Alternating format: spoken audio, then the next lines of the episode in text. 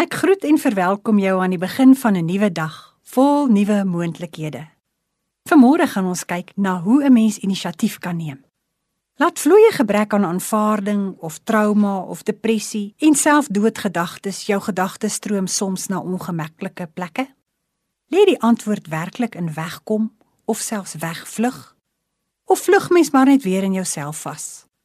Rut het gewonder hieroor en vra toe vir Naomi: "Laat ek self asseblief tog are optel in die land."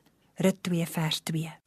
Wat laat Rut terwyl sy in 'n doodloopstraat is, die vreemde versoek rig? Daar was destyds wetgewing in Levitikus 9 vers 9 tot 10 kan jy bietjie verder daaroor lees en in Deuteronomium 24 vers 19 Daar was wetgewing wat bepaal het dat oeswerkers wat graan op landerye oes, are wat toevallig uit die graanbondels val, net so op die grond moes laat bly lê, sodat die armlastigdes dit kon optel om aan die lewe te bly. Die bepaling was egter nie vir grondeienaars verpligtend nie. Dis nie afgedwing nie en niemand is vervolg of gestraf as hy 'n armlastige op sy plaas geweier het nie. Te midde van die gebruik, juis aan die begin van die garsoes, kom Naomi en Rut in Bethlehem, die huis van brood aan. Hulle was as twee weduwees deel van die destydse samelewing se haweloses wat geen heenkome gehad het nie.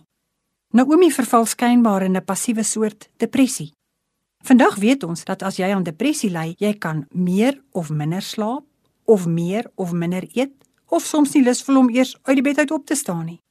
So die atmosfeer in die huis van die twee weduwees was bedrukkend en hulle koskaste leeg. Rut sit egter nie in sak en as nie. Sy neem inisiatief en stap na die naaste garsland. Sy vat 'n kans en vra of sy kan gasare optel en dit werk. Die voorman stem in en Rut spring aan die werk. Lees 'n bietjie Rut 1 vers 22 tot Rut 2. Let wel, Rut dring haarself nie op nie. Sy dring nie aan op genderkwotas toy toy of die maand nie. Sy aanvaar nie ander se verantwoordelikheidsin, verpligting of insig of 'n gebrek daaraan as van sousprekend nie. Sy vra die voorman wat oor die grassnyers toesig het, sy toestemming om te werk. Sy kon net sowel gevra het, "Is daar nog plek vir my, 'n Moabit, 'n wit Afrikaner, veral diegene wat in die 50's gebore is, plek in Afrika?" Hoe kan jy aanpas en meehelp tot positiewe verandering?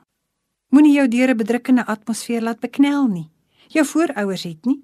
Dis waarom jy hier is. Neem inisiatief.